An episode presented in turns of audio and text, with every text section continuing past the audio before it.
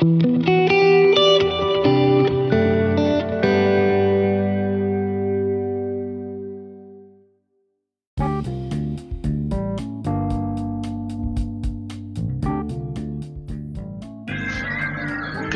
Assalamualaikum warahmatullahi wabarakatuh.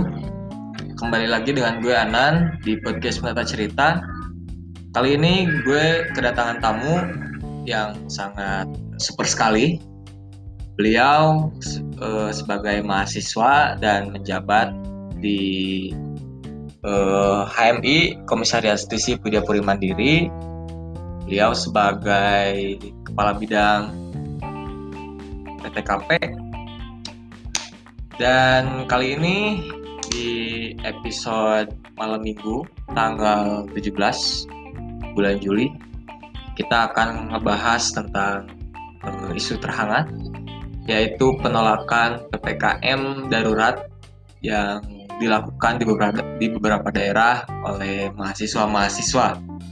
Nah, sebelum ke materi kita sapa dulu uh, narsum kita kali ini beliau Kanda Abong. Ya. Selamat malam Kanda Abong. Selamat malam Kanda Anan. Uh, gimana? Sehat? Alhamdulillah sehat. Nah, Bagaimana sebelum kabarnya? Alhamdulillah. Nah, sebelum kita masuk ke materi, alangkah baiknya kita perkenalkan dulu ya secara personal beliau gitu.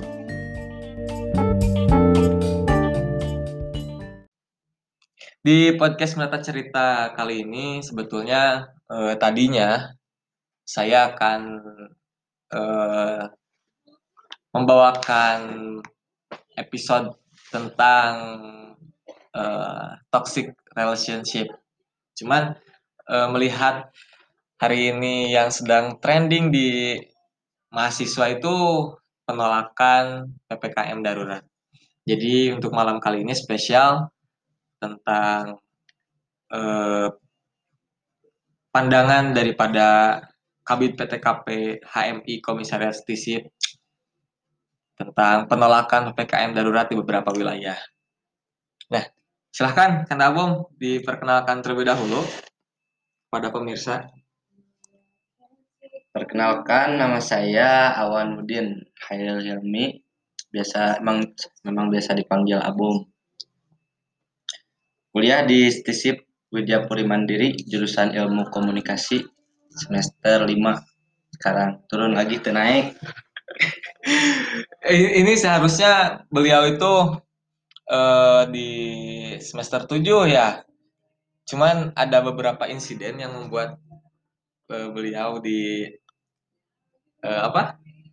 skor di skor. Jadi uh, hari ini di di apa diturunkan kembali itu di ditangguhkan gitu. bukan dinaikkan tapi ditangguhkan nah eh, aktivitas hari ini mungkin lagi sekarang itu lagi ppkm mungkin rebahan saja lah rebahan saja ya benar bete juga kali ya kalau hmm. lama-lama di rumah ya emang apalagi ppkm gini susah keluar mau diskusi susah kegiatan nggak ada Betul betul betul. Uh, tempat tinggal di oh, mana? Tempat tinggal di Nagrak. Nagrak Sukabumi. Sukabumi. Okay. Desa Pawenang. Oke. Okay.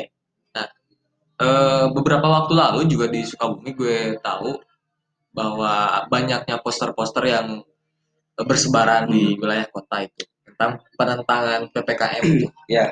Gimana itu pandangannya? Pertama, eh,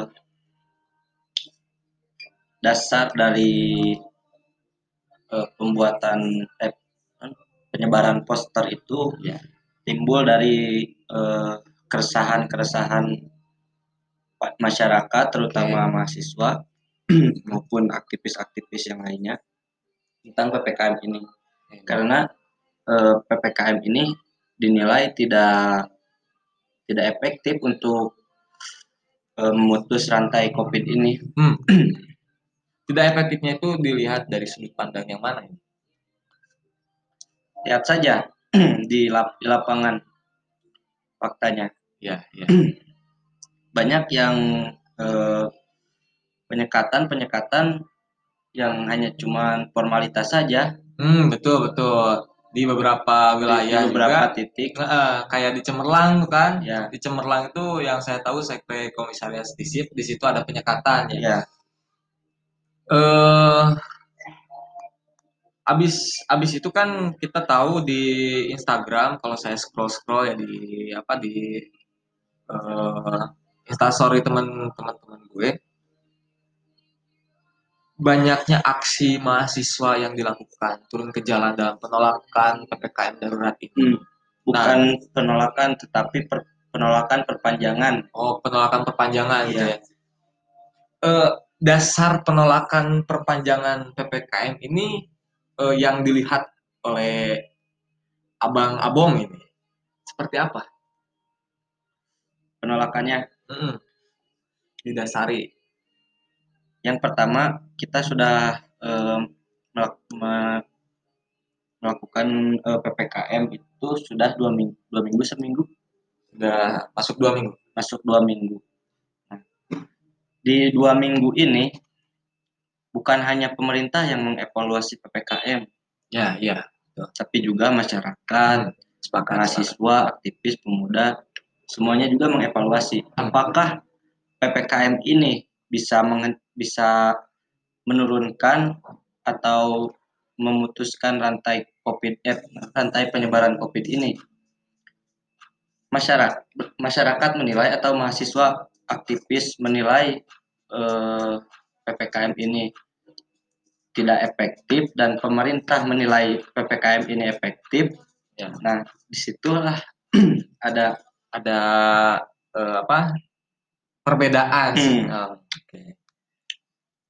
maka di akan dilaksanakanlah aksi turun ke jalan menolak perpanjangan ppkm karena mahasiswa menilai Hmm. ppkm ini tidak efektif Eh, ada beberapa wilayah di Indonesia yang sudah melakukan aksi, bang. Jadi eh, yang saya lihat itu Ambon sudah mulai turun ke jalan, bang. Terus Banjar juga sudah, Garut sudah. Nih, ini Su- Sukabumi eh, bagaimana ini? saya lihat di Instagram BEM SI atau eh BEM SI BEM Sukabumi Hmm, aliansi ABSI Absi ya. akan turun ke jalan saya lupa waktunya kapan dan mereka juga men- mengajak para pedagang-pedagang kaki lima untuk turun juga ke jalan Nah, itu kan dari dari absinya sendiri. Nah, untuk eh, Cipayungnya bagaimana nih? untuk Cipayung kurang tahu saya belum ada info dari cabang Mhm. maupun dari pengurus besar ataupun badan koordinasi yang jelas Cipayung belum belum ada belum ada informasi untuk turun ke jalan mengenai ppkm ini Untuk wilayah Sukabumi. ya untuk wilayah Sukabumi Untuk wilayah Jakarta yang saya tahu itu Ya. beberapa minggu lagi akan dilaksanakan aksi gitu kan. BEM eh secabang cabang sejakarta Hmm. Nah, eh, terlepas daripada aksi, eh, melihat hari ini dengan aksi turun ke jalan, menurut eh, Kanda Abong ini, apakah efektif terkait eh, kritik terhadap pemerintah, terkait penolakan terhadap pemerintah, terkait tadi evaluasi yang disampaikan kepada pemerintah, Hmm. apakah efektif itu akan sampai kepada pemerintah pusat ataukah tidak dari Kanda Abong ini? tergantung ya kalau menurut saya Mhm. bagaimana situasi dan kondisi di aksi nanti Kondisi kondisi seperti apa? kalau Contohnya? eh, eh, mahasiswa dan misalkan contoh kalau ada misalnya kalau ada pedagang kaki lima yang ikut yang merasa di yang merasa eh, ppkm menolak ppkm perpanjangan konsisten dalam aksi itu Oke. aksi misalkan hari hari Senin aksi Mhm. kalau masih ditolak aksi lagi terus sampai di- diterima Nah, kalau melihat daripada sudut pandang kesehatan, kan, aksi yang dilaksanakan turun ke jalan membuat penyebaran virus oh semakin tinggi. Uh, dan ya kita kan tidak tahu karena virus ini kan uh, tidak terlihat oleh mata gitu. Hmm. Apa uh, masa aksi sudah memperhitungkan hal ini? Kita melihat pada contoh aksi RUU Cipta Kerja. Hmm. Berapa ribu orang yang datang pada aksi itu? Apakah di sana ada yang terjangkit iya, virus iya, COVID? Iya, iya, betul, betul, betul. Saya belum belum mendengar tuh berita tentang virus uh, apa masa aksi yang terkena COVID itu. Benar, benar, benar. Apalagi di Jakarta sampai puluhan ribu orang yang turun aksi. Hmm. Tapi tidak ada berita bahwa masa aksi terkena COVID yang ada masa aksi terkena lemparan batu dari ya, polisi ya terkena water cannon uh, uh, benar benar benar benar nah uh, sejauh ini kita melihat uh, beberapa waktu lalu baik di media sosial ataupun di media, media berita di TV gitu kan uh, Menteri Luhut menyebutkan ya. bahwa COVID-19 ini terkendali gitu cuman beberapa hari yang lalu uh, kalau nggak salah itu kemarin Pak Luhut itu sendiri menyebutkan bahwa COVID-19 uh, eh, apa COVID varian Delta ini tidak terkendali. Nah, pandangan Kanda Bom seperti apa ini? Dua pernyataan yang bertolak belakang itu dari satu sumber suara itu kan. Kalau saya kurang mengikuti isu-isu nasional ya. Hmm. Akan tetapi untuk masukan juga buat pemerintah. Hmm. Pernyataan pernyataan-pernyataan atau statement-statement yang masih ragu atau belum pasti itu jangan dikeluarkan ke publik. Ya, betul, betul. Karena karena pasti ada uh, apa kebingungan dan keresahan juga ya. ya. Betul, betul, betul.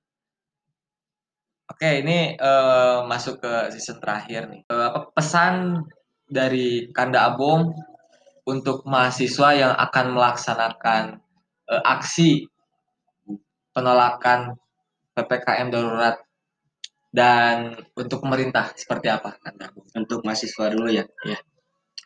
Untuk mahasiswa tetap konsisten di jalan yang benar, mahasiswa bersama rakyat. Yakin Oke. usaha sampai. Oke.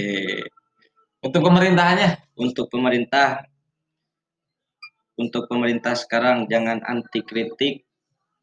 Kritik itu adalah jalan keluar dari masalah. Oke, terima kasih Kanda Bom sudah uh, berpartisipasi bersama podcast Menata Cerita dan uh, kepada pendengar semuanya jangan lupa selalu stay tune di podcast Menata Cerita. Terima kasih.